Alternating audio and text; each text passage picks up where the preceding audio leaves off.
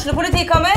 Ine Jansen er purk. Er du purk? The motherfucking bitch. Alt jeg vil, er å finne ut hva som skjedde med mannen min. Jon Carew. Er jeg sikta for noe? Iben Akeli. Det er du. Ole So, Lars Berrum og Big Daddy Karsten. Hvem sin side er du på, egentlig? Anette Hoff, Tone Danielsen, Kommer du fra Afrika? Jørnis Josef, Nesten. Kløfta. Trond Espen Seim, Det er synd å si det, men det var feil mann som døde. Purk. Premiere tirsdag på TV2 Play.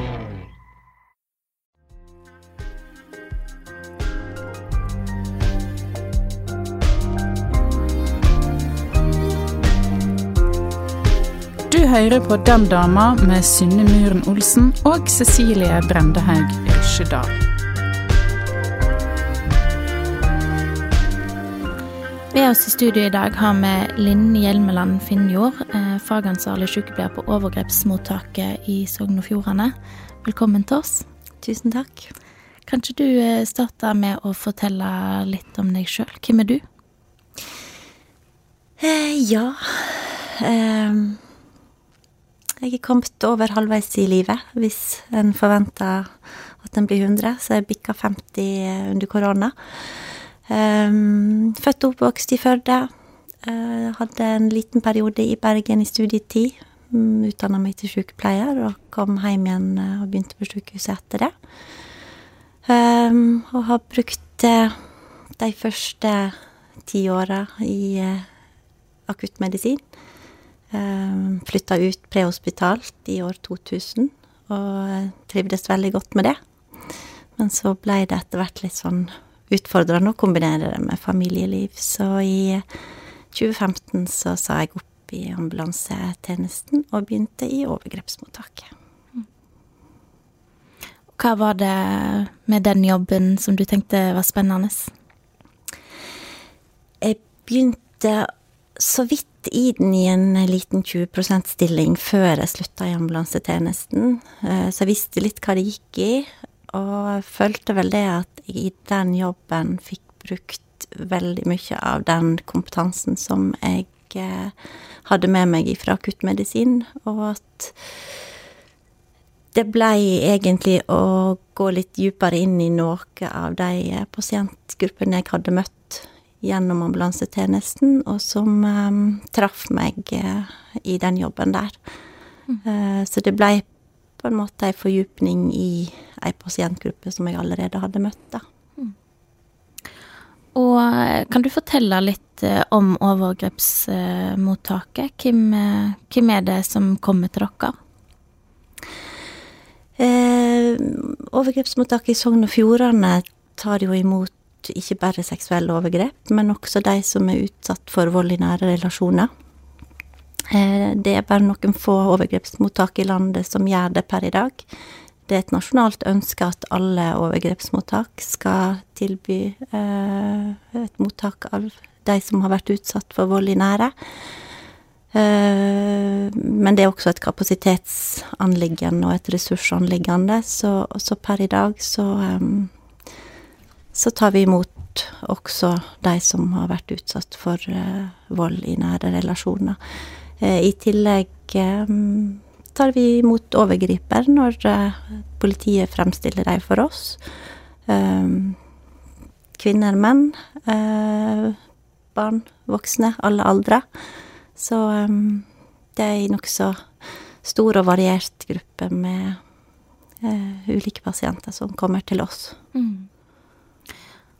Og eh, kan du fortelle litt eh, om eh, Når det kommer til vold i nære relasjoner, kanskje spesielt Hva type situasjoner er det de kommer fra, de som oppsøker dere? Vi tenker jo at voldsperspektivet er veldig sammensatt. Den fysiske er den mest åpenbare, men den psykiske er kanskje den mest skadelige. Eh, Men vi ser jo gjerne helst at det er fysisk vold som bringer de til oss, eh, og så er ofte den volden de har opplevd i forkant, ofte fysisk, eh, sammensatt kanskje økonomisk, eh, ulike eh, typer vold i bakenforliggende. Um, det er ikke noe kriterier for hva slags vold eh, en skal være utsatt for for å komme til overgrepsmottaket.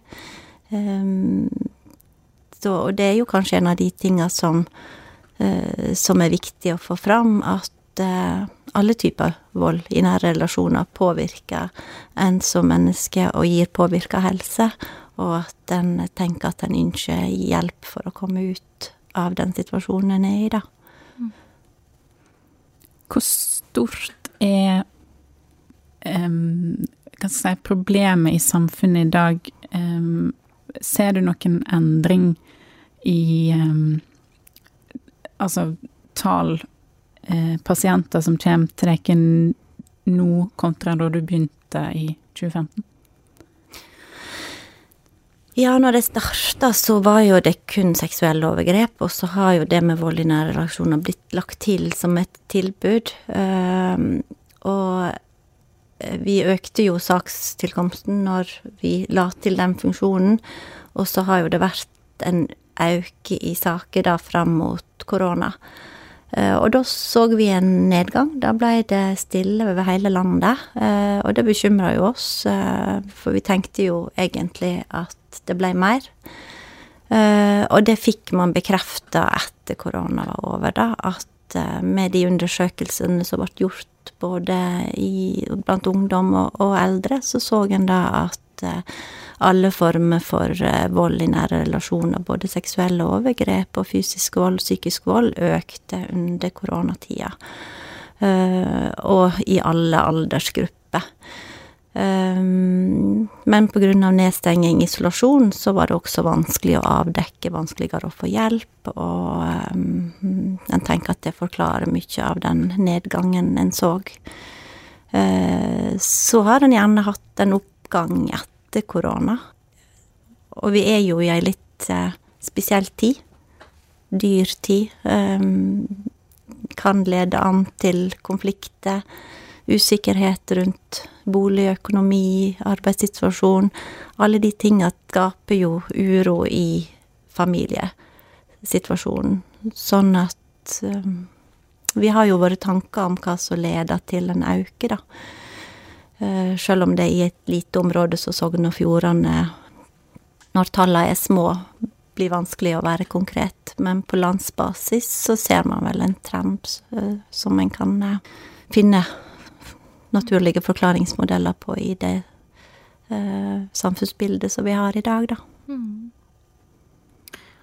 Og hva Når noen kommer til dere, hva er det dere gjør eh, for å sikre spor, og hva blir på en måte den første behandlingen, da, eller møtet eh, med de som kommer til dere? Den hjelpa de får, er egentlig tredelt. Det er jo eh, medisinsk behandling. En trenger ikke å komme til annen lege før en kommer til oss. En trenger ikke henvisning, en trenger ikke å stoppe i legevakt for å få behandling for kuttskade eller henvisning til røntgen om eh, en har brudd eller mistenker det. Eh, en kan komme direkte til oss. Vi har lege, og vi gjør full eh, undersøkelse som ville ha vært gjort hos lege, og vi henviser da til spesialisthelsetjenester for røntgen eller andre undersøkelser som kan være nødvendig pga. eventuelle skader. Og så er jo det sånn at de aller fleste som blir utsatt for seksuelle overgrep, de har ikke fysiske skader. Veldig vanlig å komme i en slags fryssituasjon, eh, der man blir litt sånn stiv av skrekk, og det er egentlig veldig fysiologisk hensiktsmessig. Eh, da ser man at en får mindre skade når en kjemper mindre imot. Skadene ser en gjerne tilta dersom en har kjempa. Eh, og spesielt alvorlige skader hvis han er flykta fra situasjonen, der en kanskje har eh, tatt en bil og kjørt av gårde, og at eh, en får ei trafikkulykke eller kan bli påkjørt av en bil fordi man springer uforværende fra et sted eller hopper ut et vindu, eller Så da ser man langt mer alvorlige skader.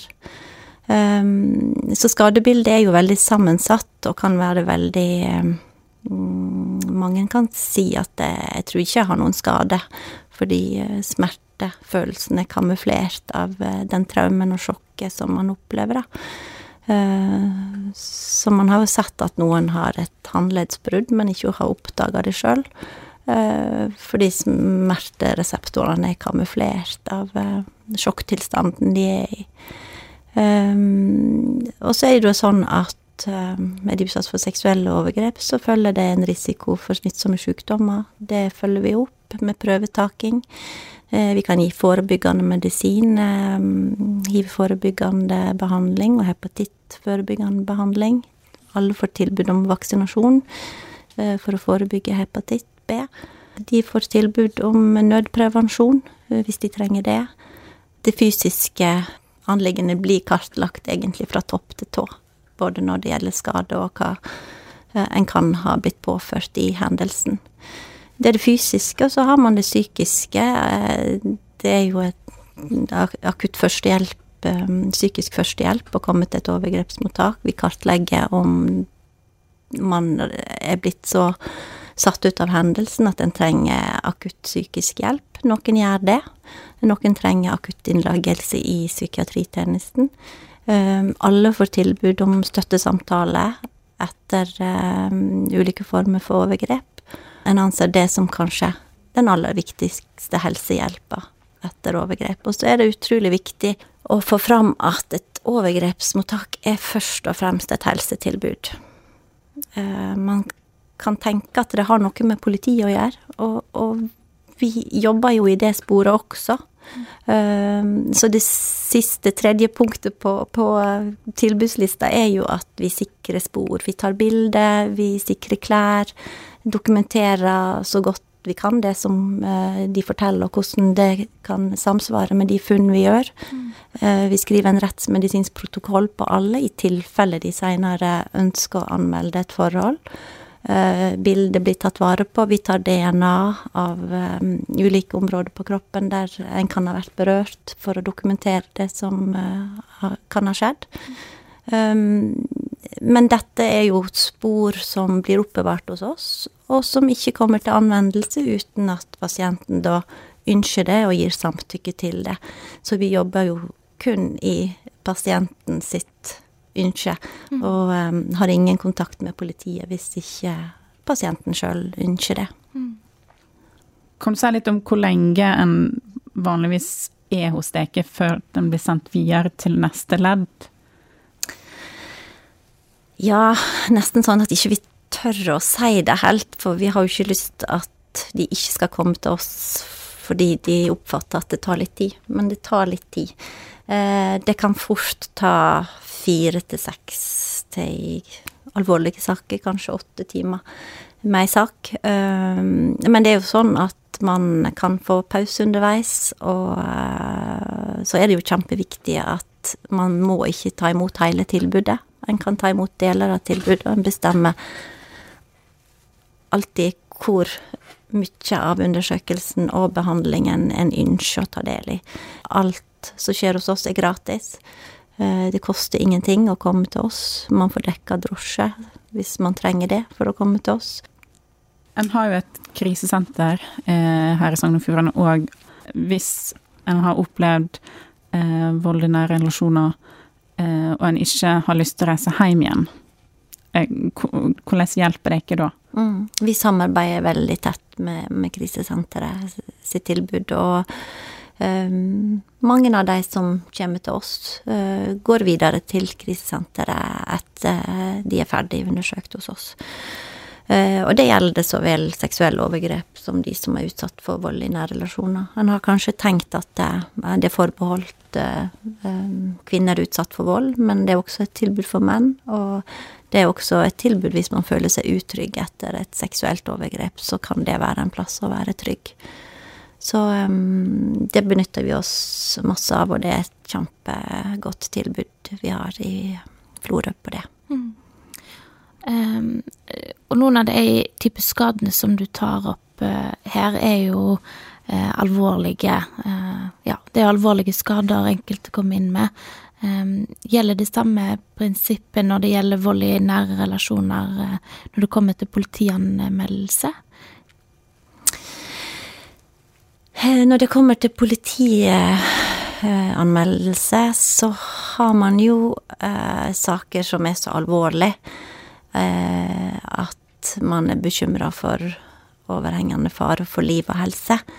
Eh, og da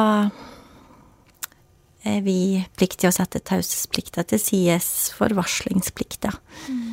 Um, det er veldig få situasjoner som har vært så ekstreme at vi ser at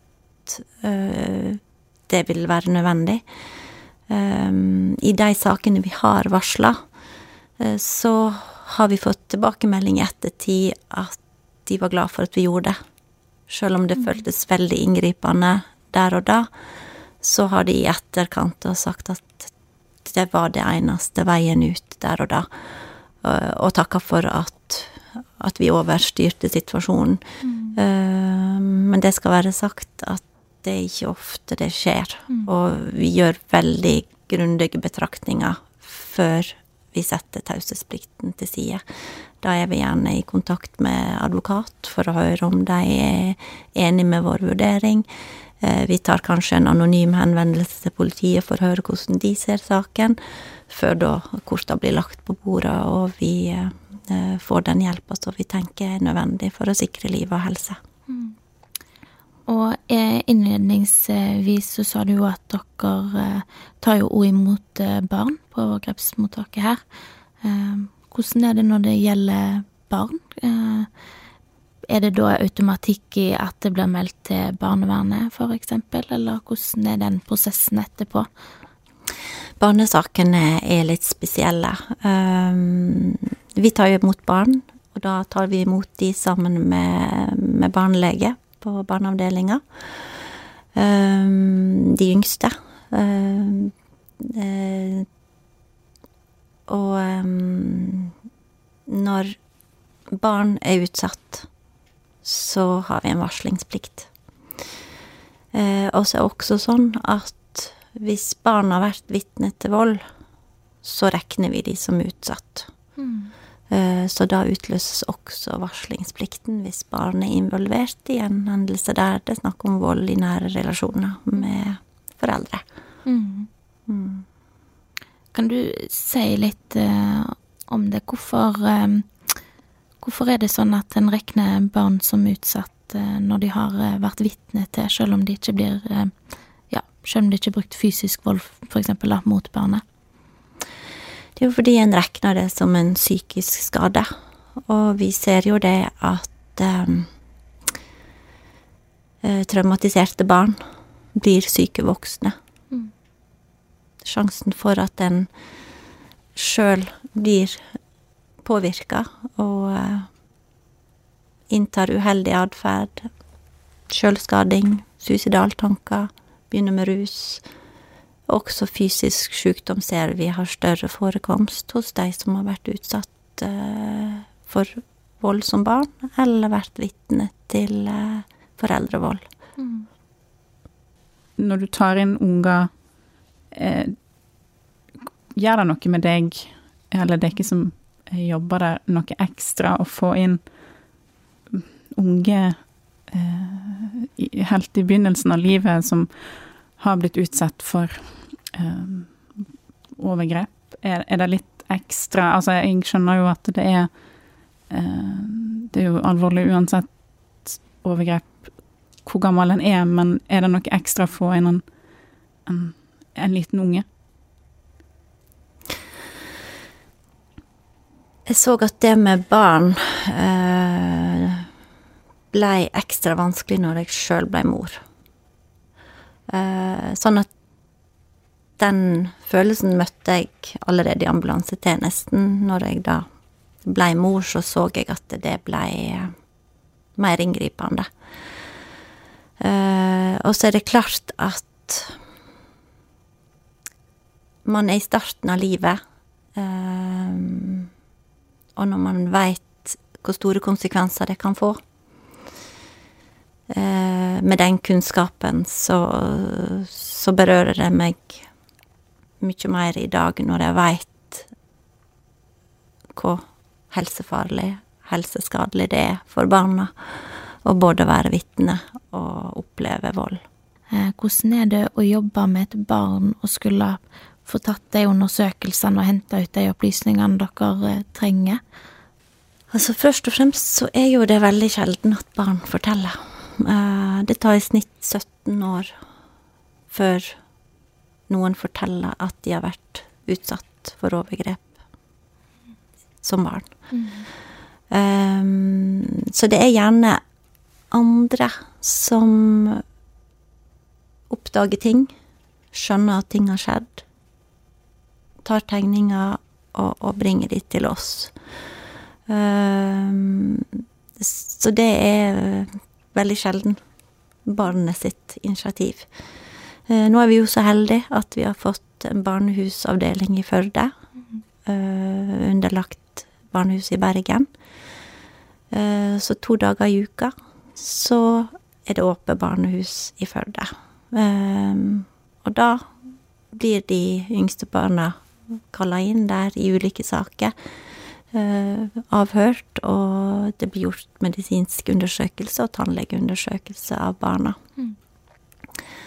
Og det å vite at barna slipper transportvei til Bergen, um, den tida som går med, og gjerne da være bringt dit av personer som de kanskje ikke kjenner veldig godt. Uh, det har vært en stor traume. Mm. Så det i dag å vite at uh, vi med de avstandene vi har i Sogn og Fjordane, kan komme til barnehuset med relativt kortere transporttid, eh, slippe overnatting på et hotell med noen du kanskje ikke kjenner så godt når du har vært utsatt for traume, muligens, tenker jeg er en utrolig bra eh, helsemessig forbedring for barna, da. Mm. Og hvordan eh, er det hvis en mistenker at det er de som står nærest eller i hjemmet, eh, at de skadelige situasjonene oppstår? Eh, det, blir barnet fjerna fra hjemmet med det samme, eller blir det lengre prosesser rundt dette, at de kan være nødt til å reise tilbake hjem igjen mens saken undersøkes mer? Det kommer litt an på sakens natur i den meldinga som er gitt. Det kan være skole eller barnehage som tar kontakt, og så blir det jo av politiet da, eller barnevernet, vurdert alvorligheten, eh, og det kan forekomme et såkalt akuttuttak, at man regner situasjonen som overhengende farlig, eh, og at en tenker at en må handle raskt. Mm. Eh, I de aller fleste sakene så tar det litt tid. Der er jo en frist der på hvor lang tid en kan bruke når en formelt sak saker der barnet er involvert. Men i de aller fleste sakene så er det ikke akuttuttak. Da har en, bruker en tida til å, å klargjøre, forberede situasjonen med avhør på barnehuset, da. Mm. Hvordan er det da for dere som jobber på overgrepsmottak, og det tenker jeg gjelder både barn og voksne, eh, å få inn en person som en på en måte ser står i en åpenbar vanskelig og skadelig situasjon, eh, og så er de ferdige hos dere, og så vet en kanskje at sannsynligheten er at de returnerer til det miljøet eh, som er skadelig for dem. Hvordan, hvordan er det? Ja, det er kjempevanskelig, fordi vi veit av erfaring at det første slaget er sjelden det siste, og at volden bruker å bli eskalerende, at den øker i omfang og i farlighet. Eh, så vi bruker jo alltid å rådgi om å ikke dra tilbake, dra til krisesenteret, få tenkt seg om og eh, beskytte seg sjøl og gjøre gode valg. Men dessverre så ser vi at det er et slags tidsvindu der. At akkurat når de føler seg trua på livet, og at de tenker at nå er jeg faktisk nær ved å bli drept, så kommer de til oss. Og så går det noen timer, kanskje et halvt døgn, og så klarer de å legge de tankene fra seg. Og så kommer følelsene de gode opplevelsene med voldsutøver for de, og så returnerer de hjem og tenker at det skal gå bedre. Og så ser vi de kanskje igjen etter korte eller lengre tider, da. Ja, er det um, Har jeg Ja, jeg vet ikke hvordan jeg skal formulere dette her godt nok, men er det mange som kommer igjen til dere? Eller har dere flest nye fjes? Ja, jeg må vel si at eh, vi har flere som kommer én gang og får hjelp videre, enn de som er tilbakevendende. Har dere pasienter hver dag? Nei. Vi har, um, har lagt på ca. 60 saker per år.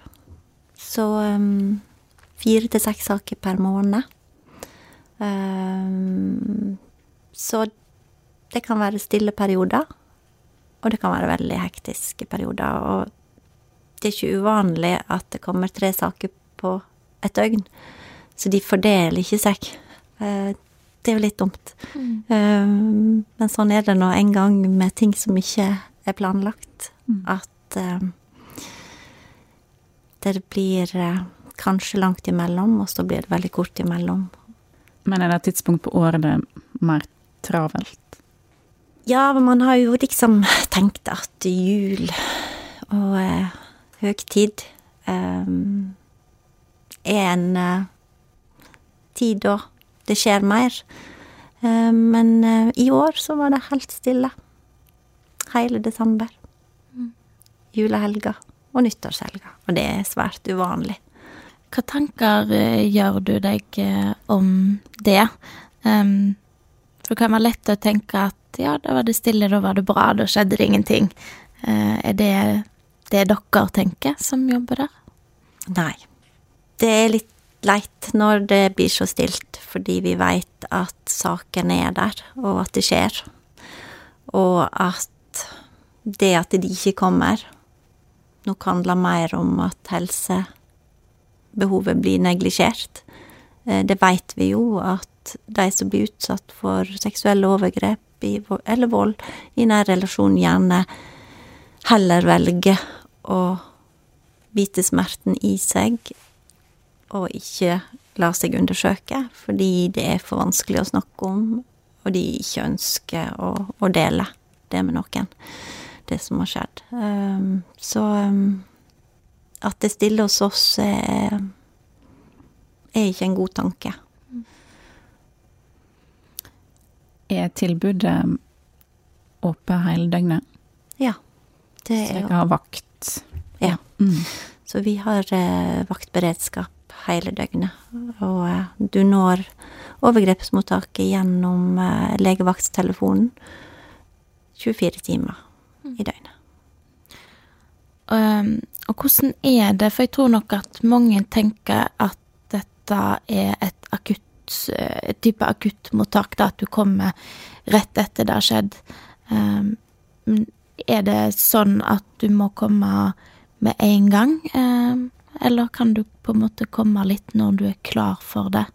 Vi vi kan si det sånn hvis det tar deg noen dager, uh, og kanskje bestemmer seg for at jeg ønsker å oppsøke hjelp, uh, er det da fremdeles mulig å få komme til dere?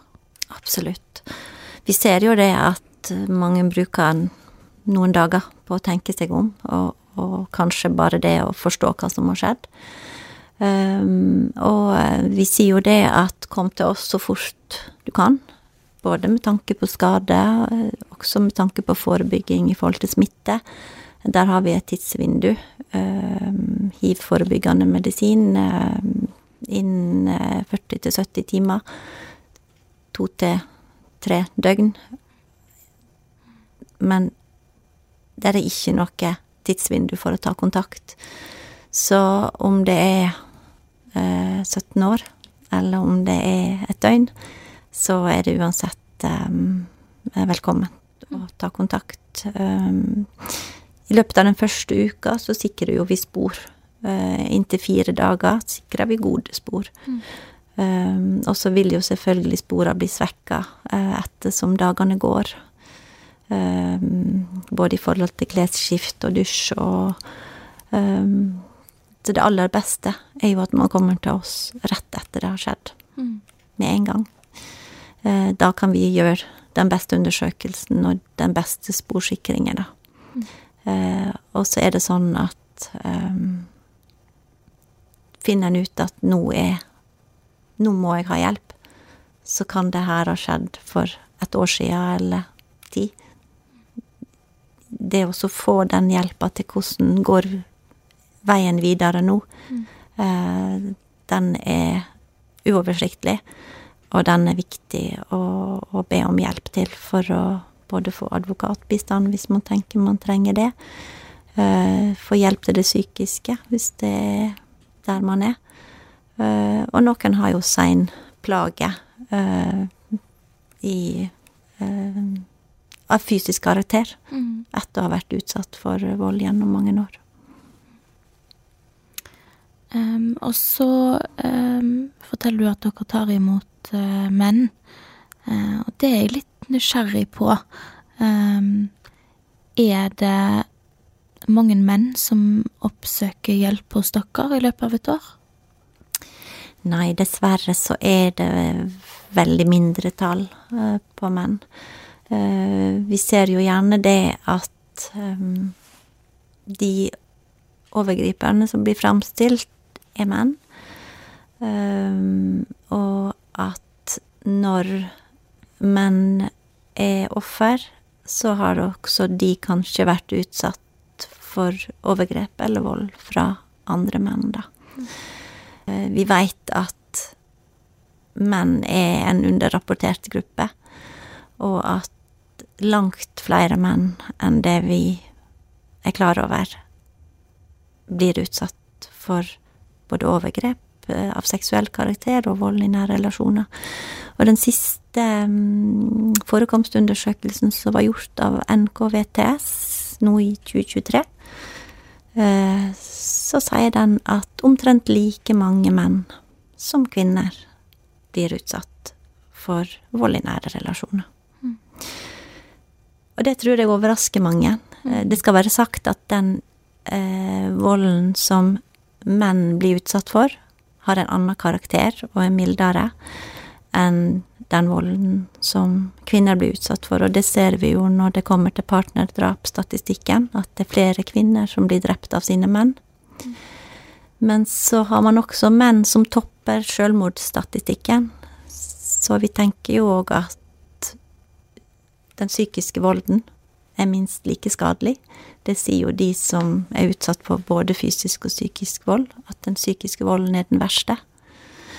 Um, og med den kunnskapen, og hvor vanskelig det er å søke hjelp for menn, hvor um, tabubelagt og, stigmatisert det er, så ser ikke vi vekk ifra at mange velger å, uh, en vei ut av det.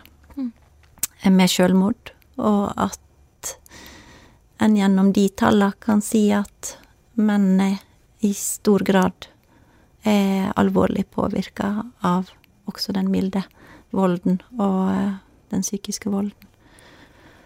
Hva tror du må til i samfunnet generelt for at vi skal skape en tryggere plass for unge menn og søke hjelp eh, for denne type vold?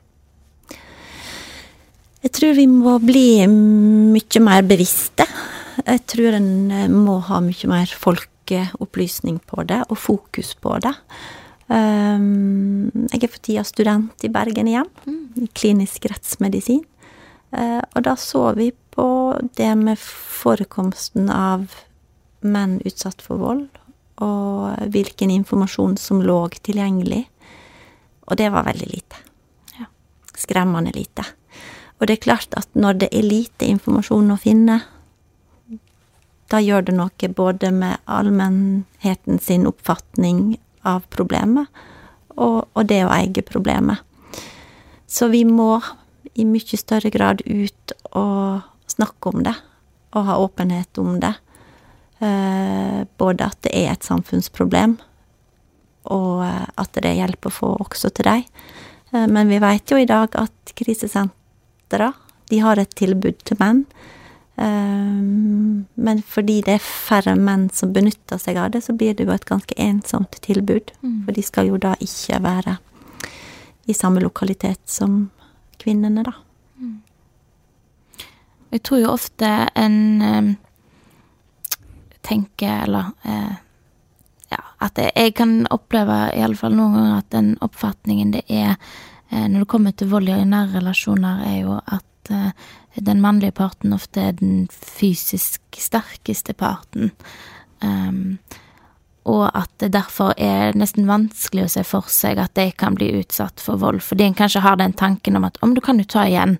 Um, og jeg tenker jo at uh, en ser jo kanskje i rettssystemet òg at en skal jo ha eh, ganske tydelige bevis eh, hvis det skal komme en dom på plass. Um, og hvis da mannen ikke blir utsatt for den nødvendigvis veldig eh, voldsomme fysiske volden som setter spor, um, så kan en jo bare dra en konklusjon om at det blir veldig vanskelig å gå videre med det rettsmessig. Eh, men hva er dine opplevelser der som er i kontakt med både de som er utsatt og politiet? Eh, er det sånn som kanskje den generelle oppfatningen er, at du må ha veldig mye fysiske skader for å anmelde, eller? Har ting endra seg litt på det planet? Det er nok riktig. Ehm, det er veldig ofte ord mot ord. Eh, og det er klart at det å komme til et overgrepsmottak styrker jo saka di. Ehm, vi kan ta bevis, både foto og eh, DNA-spor, som kan samsvare med det du forteller at du har opplevd, da. Mm.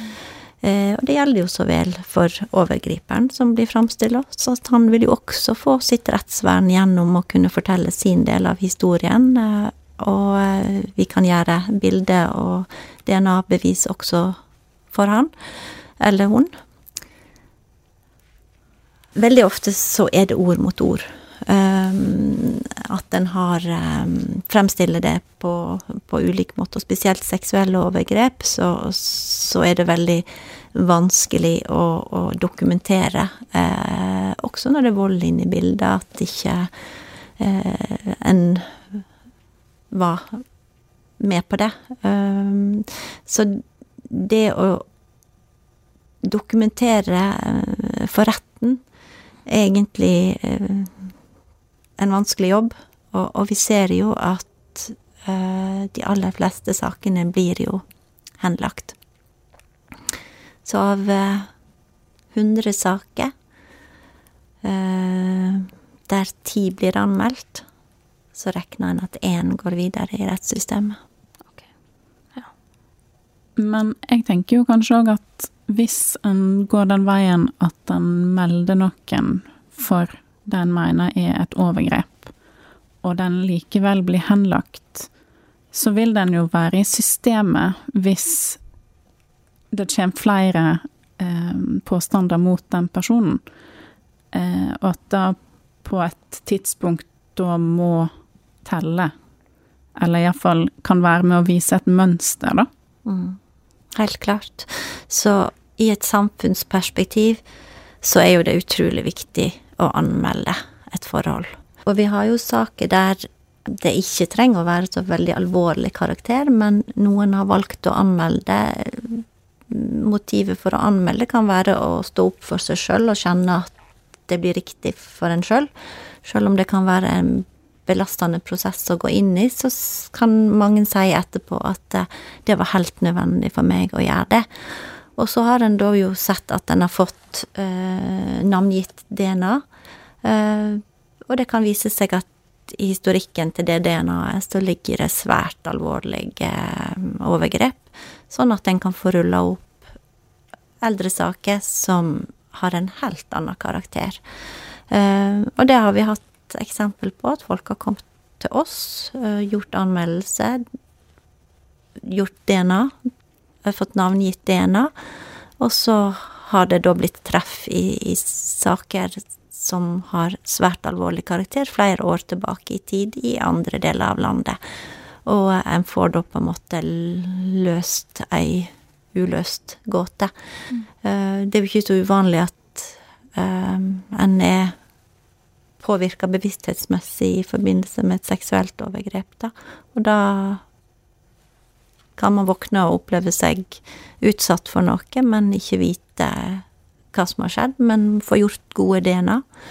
Eh, og så vil man da i en seinere fase kunne få det DNA-et navngitt. Mm.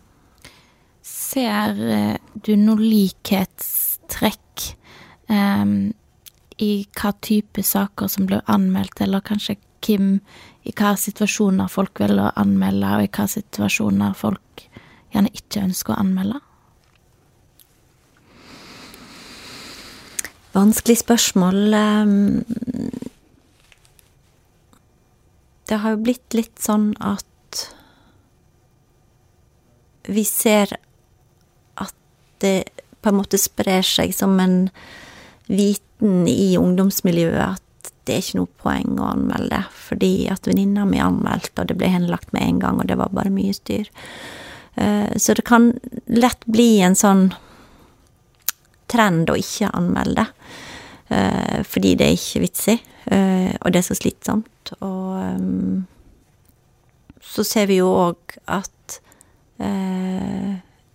de som anmelder, får saka si i media, og på en liten plass så kan det bli veldig synlig. og um, det er jo en utfordring som media har, sant? hvor mye detaljer skriver en om ei sak. Hvor inngående trenger opplysningene som blir satt på trykk, å være. Mm. Eh, så mange forteller jo om en frykt for det å få saker eh, opp i media.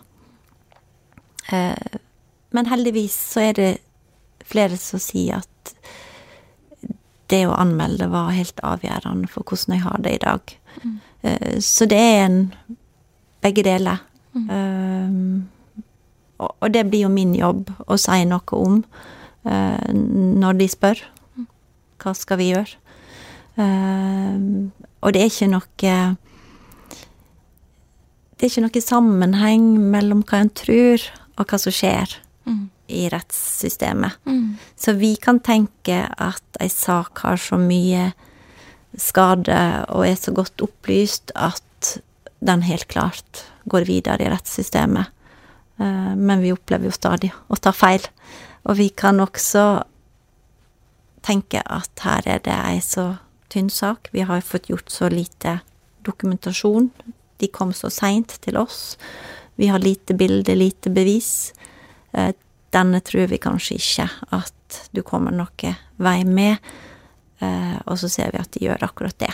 Mm. Så en ting jeg har lært meg, det er iallfall å ikke tro eller spå i rettssystemet. Og det ser man jo på filmene, mm. at eh, det er lov og rett. Det er ikke alltid rett. Mm. Så um, det er utrolig viktig at eh, at vi ikke påvirker de i noen retning. At det er deres valg hvorvidt de vil anmelde eller ikke. Mm.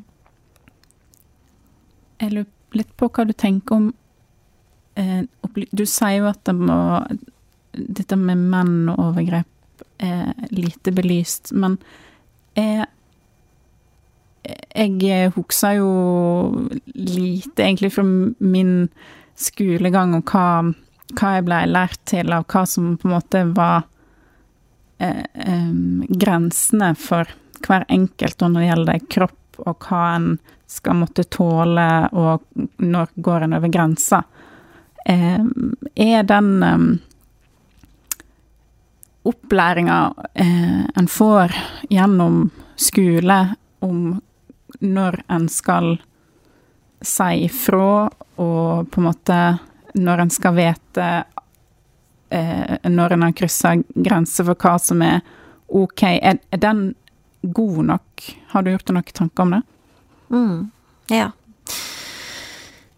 NOK hadde en kjempegod konferanse i fjor. Eh, og der var det et ungdomspanel som uttalte seg om akkurat det. Og konklusjonen er jo at den informasjonen som blir gitt ut i skolene, den er altfor dårlig. Uh, der er for lite fokus på det, det er for lite tid avsatt til det. Og um, en i ungdomspanelet foreslo jo at man skulle jo hatt det som eget fag. Seksualundervisning. her er så mange ulike aspekt som skulle vært fanga opp. Så i dag er jo det litt sånn at den informasjonen finner man på nettet sjøl. Eh, og så veit man jo at ikke all den informasjonen man finner på nettet, er god. Og vi ser jo det at eh, kanskje pornografien har blitt en opplæringsarena på hva som er normal sex. Eh, og stadig flere kommer til oss med kvelningsskade. Eh, og at det kan ha blitt eh, en opplæring ved å se at det er sånn det er. og det kunne også helsesista bekrefte, at flere unge sa at jamen, sånn skulle det jo være. At strangulasjon var en del av akten. Så vi ser mer eh, strangulasjonsskader i dag enn vi gjorde når jeg begynte for ti år siden. Eh, og så kan man jo lure, da, mm. på hva som ligger til grunn for det. Mm.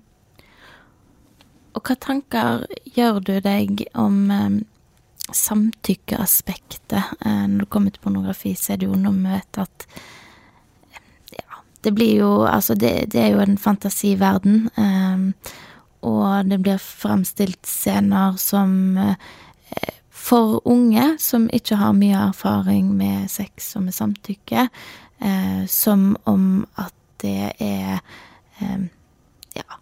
Uh, et spill, eller at en ikke trenger det, og at det er typisk da framstilt som at eh, kvinnen eh, egentlig ønsker at mannen skal være dominant og, og, på en måte bare ta grep. Um, og eh, jeg syns det var litt interessant, vi hadde besøk av eh, Jeanette Haugsbø, som er etterforskningsleder på sedelighet, eh, og hun var faktisk inne på det at eh, de opplever jo òg at personen som da har utsatt noen andre for et overgrep, faktisk kan bli litt overraska, eh, fordi de trodde ikke at de utsatte noen for et overgrep. At det rett og slett er uklar på de grensene, da. Mm. Hvor går de grensene for hva som er samtykke? Jeg vet ikke, Ser dere noe til det? At det kan være forvirrende, rett og slett, for mm. unge? Absolutt. Og kanskje det som det eksisterer for lite kunnskap om, er jo det her med frysesituasjonen. Vi ser jo mange som kommer til oss og forteller om at det bare stivner. Jeg klarte ikke å si nei eller gjøre motstand eller noen ting. Og hos motparten blir jo gjerne det da oppfatta som at alt er greit, for det ble ikke sagt nei. Eller gjort noe motstand. Hvilken signal fikk de? Ingen. Eh, så det er en kjempevanskelig situasjon. Uh, og vi ligger jo etter både Danmark og Sverige på samtykkelov, og det er mange som syns det høres litt rart ut, men det er klart det at um, med det som utgangspunkt, så har en iallfall en større mulighet for at en kan si at det var ikke sagt ja. Eh, nå er fokuset mer på at det var ikke sagt nei. Mm. Og når vi veit at en veldig stor andel av de som blir utsatt for overgrep, mister evnen til å si nei, går i frysposisjon og mister sin eh, evne til å gjøre motstand og få satt ord på at det her vil jeg ikke være med på, så risikerer vi også å skade den andre parten i situasjonen, som da kanskje som veldig ung kommer i en overgriperrolle som de ikke kjenner seg igjen i. Så um, det er absolutt utfordringer på den mm. siden òg. Mm. Og hvordan um, er det eh, Du har sagt det at eh, dere tar imot overgriper. Um, hvordan er den opplevelsen for del? Hva type reaksjoner har de eh, når de kommer inn til dere? Det vi erfarer, er vel den overraskelsen. At uh, de stiller seg litt sånn uforstående til um, at de er havna i den situasjonen. Uh, og for oss som jobber med det, så, så, er jo det litt interessant å få begge perspektiv i saka. nå skal det være sagt at det er aldri samme time på den som opplever seg utsatt, og den som eh, blir bringt inn som eh, antatt overgriper. Det er alltid to ulike team. Ja. men jeg tenker at det er en utrolig viktig eh, rettsmessig Det å bli eh, Få si sak opplyst også som overgriper. Um, og at de har det samme rettsvernet. Det er langt ifra alle mottak i landet som tar imot overgripere i dag, så eh, det vanlige er jo at overgriperen blir tatt en DNA-prøve på et legekontor. Uh, og da sier det seg sjøl at det blir en veldig ubalanse i framleggingen av ei sak, da. Mm. Um, og dessverre så, så er det jo ikke alltid sånn så det blir lagt fram på den ene sida. Og det er jo derfor politiet gjør en veldig grundig jobb i alle de her sakene for å vurdere om saken er godt nok opplyst til å gå videre i rettssystemet. Mm. Men hvilket tilbud får overgriperen hos dere? Eh, de skal eh, på sett og vis få De får en likeverdig undersøkelse. Um, men de får ikke den samme oppfølgingen etterpå eh, i forhold til det psykiske og Men de får prøvetaking, og de får dokumentasjon. Eh, så mye er likt, da. Men de har jo på en måte ikke kommet der av egen fri vilje. Eh, så det kan være litt mer sånn inngripende for oss om vi skulle tatt kontakt med de etterpå, da. Eh, så der er det en forskjell eh, på de som er utsatt. Hva med når det kommer til vold i nære relasjoner? Um, blir det annerledes altså i en situasjon hvor det kanskje kan være litt mer åpenbart hva de har gjort, og hvem de på en måte har utsatt for vold? Det skal være sagt at det er ikke veldig mange vi har hatt eh, der det har vært overgriper eh, framstilt eh, når det er snakk om vold. Mm. Jeg har hatt én sak. Um, og da får man jo lagt fram deres perspektiv. Og for oss som jobber med det her, så vet vi at det er alltid to sider i ei sak. Um, og um, jeg tenker at det er ganske lett å stille med en åpenhet i forhold til at vi faktisk ikke veit. Mm. Um, og vår jobb er jo egentlig kun å beskrive det vi ser. Og skrive ned det som vi hører. Vi skal ikke tolke eller finne ut hva som faktisk har skjedd. Mm. Og det er jeg egentlig veldig glad for. Mm. Eh, så det er jo ei treningssak som blir lettere etter mer erfaring en får. At eh, ting er ikke alltid sånn som en tror det. Mm. Og det åpenbare trenger ikke å være åpenbart. Så eh, man blir veldig ydmyk av den erfaringen man får. Mm. Hva gjør det med deg når du er ferdig på jobb, når du har stått i Hatt ei sak hele dagen, og vakta di er ferdig? Hva, hva, er tankene dine når du går ut døra? Ja, det er ikke så lett å, å legge jobben igjen. Eh, men det er jo et fokus vi har som team, at vi skal prøve å være ferdig med jobben før vi går. At vi skal gjøre det vi kan for å ikke ha tankene rundt saka med oss. Eh, så vi har en rutine som sier at vi som team, da sykepleierlege, skal gjøre en slags debrief før vi eh, pakker sammen. Eh, og det er noe som er relativt ferskt at vi har begynt med. Eh, og eh, det, har vi veldig god erfaring med at det gjør at tankene surrer mindre etter jobb, når man på en måte har brukt hverandre etter en sak og snakka gjennom de tinga som en kanskje syns har vært vanskelig underveis. Og på den måten lettere da kan prøve å få lagt igjen eh, jobben der den skal være, da. Hvordan er det? Nå har du jo vært der i eh, ganske mange år allerede. Er det noen saker som sitter fremdeles ekstra sterkt i minnet, selv om en har debrifa og årene går?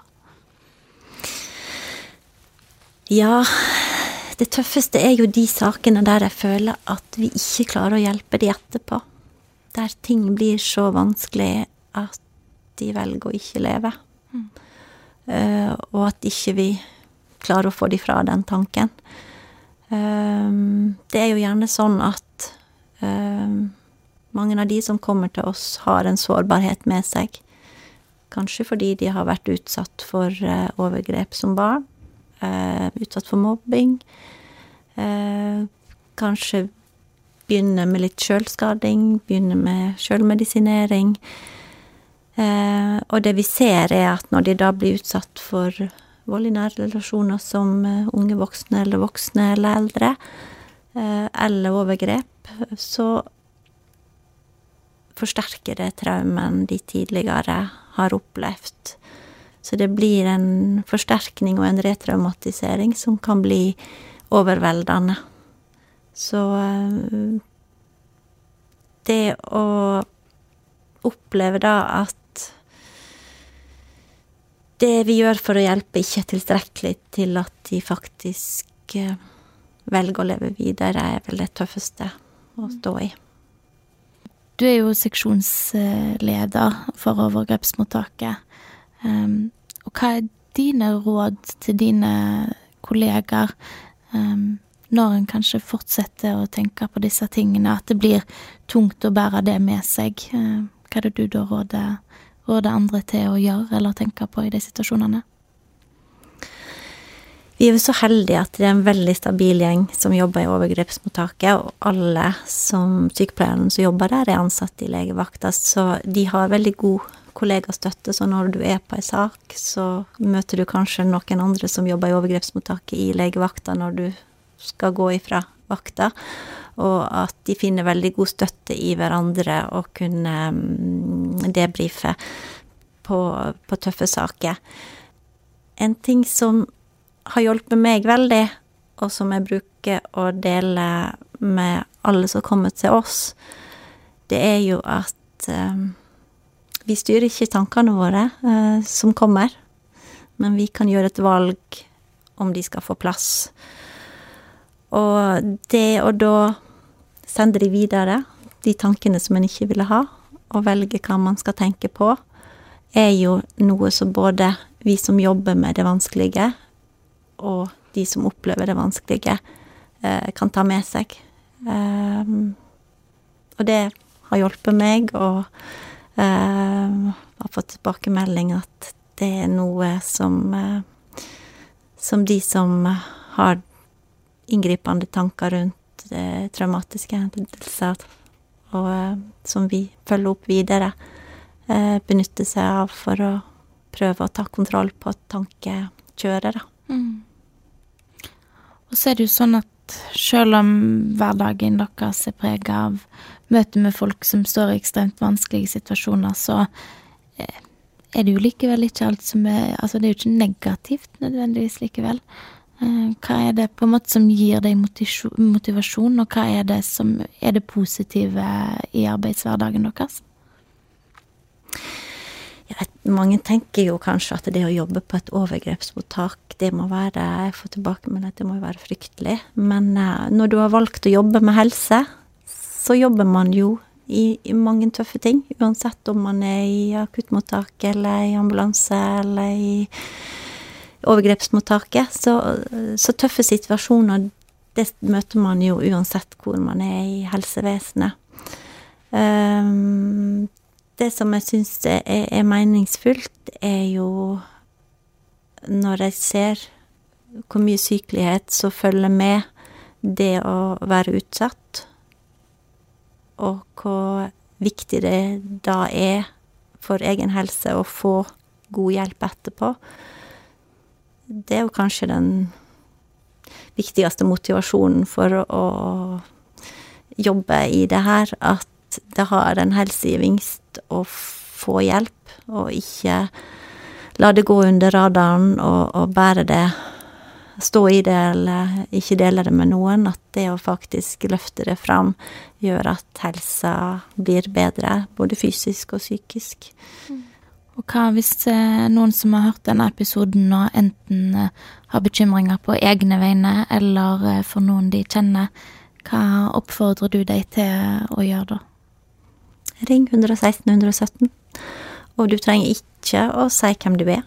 Du kan ringe på dine egne vegne eller andre sine vegne. Du ber om å bli satt over til overgrepsmottaket, og det som òg er viktig å si, at i tillegg til at vi har taushetsplikt, så har vi en skjult journal. Sånn at det som blir nedtegna hos oss, er helt skjerma fra Helse Norge. Så det er ingen andre journalsystem som har innsyn i det som blir eh, sagt hos oss. Og det tror jeg eh, kan være viktig for mange. Så det er kun idet det blir sendt en henvisning videre i systemet til f.eks. psykiatritjenester, at det da kommer på journal. Mm. Og da kan man jo være begrensende med hva som står i den henvisninga. Ja. Mm. Med det så vil jeg si takk til deg. Eh, det er viktig jobb dere gjør, og jeg tror det er bra at flere får vite om tilbudet deres. Takk. Tusen takk for at jeg fikk komme.